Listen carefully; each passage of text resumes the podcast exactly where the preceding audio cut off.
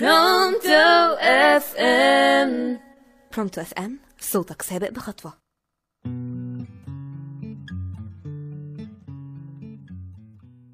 اسكت انت خالص ما انت ما بتفهمش حاجة في الشغل ده. يا مساء الفل على أجمد وأحلى مستمعين مستمعي راديو Pronto FM معاكم روان الحشاش وبرنامج سكالانس علاقات في ثوبه الجديد. في الموسم اللي فات اتكلمنا عن العلاقات اللي هم أهم أربع علاقات في حياتنا. وقلنا قد إيه العلاقات دي ممكن تتهد بسبب كام مشكلة كده ممكن تحصل فيهم. طيب وإحنا عايزين من بعد ما عرفنا المشاكل دي. وكل حاجة إيه حلها عايزين نوصل كده لدرجة من السلام والسماح كده معينة في حياتنا. طيب جميل. المرة دي بقى في السكالانس الجديد في الموسم الجديد بتاعه عايزين نتكلم عن مشكلة واحدة في كل حلقة. بس كل مشكلة دي بتواجهنا بطريقة مختلفة في كذا علاقة يعني مش بس في علاقة واحدة. طيب مش عايزة أطول عليكم بقى و- وأقرفكم بال... بالكلام اللي في الأول ده بس عايزين ندخل على طول في الموضوع. نخش كده في الموضوع على طول. خلينا نبدأ بأول مشكلة معانا النهاردة.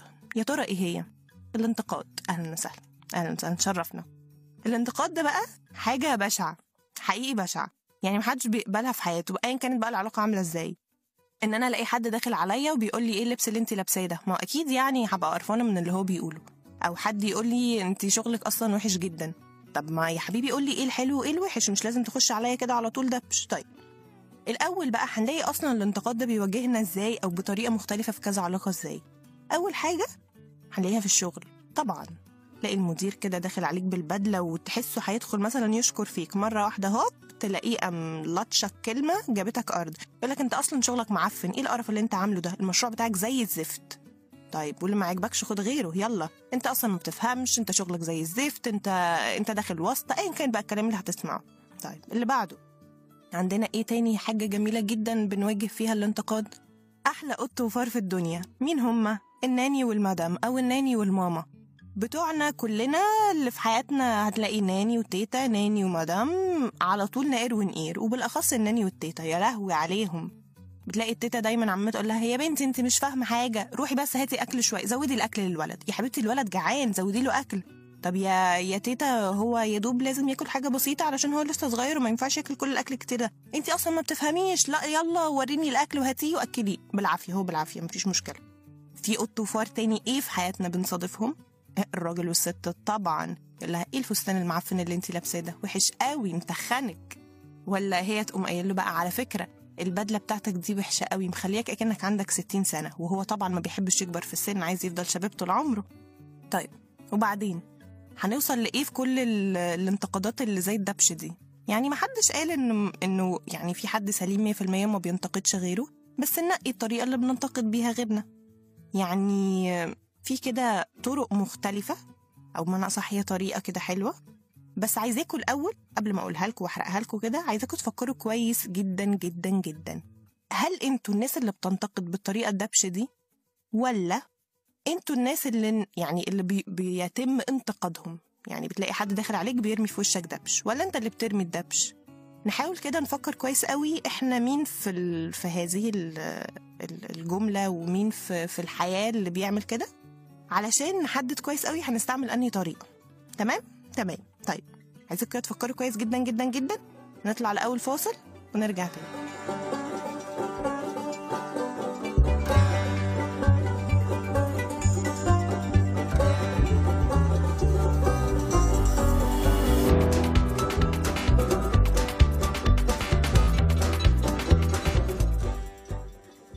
برونتو اف ام برونتو اف ام صوتك سابق بخطوة. أنتوا لسه بتسمعوا سكالانس علاقات مع روان الحشاش على Pronto FM. ورجعنا لكم تاني ولسه مكملين كلامنا في السكالانس عن إيه؟ عن العلاقات العظيمة اللي بيصادفها ويجمعها مشكلة واحدة وهي الانتقاد. الانتقاد قد إيه تأثيره سلبي وحش جدا جدا جدا علينا في حياتنا؟ سواء بقى شغل بيت ناني وتيتا جيران صحاب قرايب كل دول هو يعني هو إحنا عندنا الانتقاد بي بيهد وبيدمر كل العلاقات اللي في حياتنا كلها من أولها لآخرها. طب والحل؟ هم؟ عايزين حل.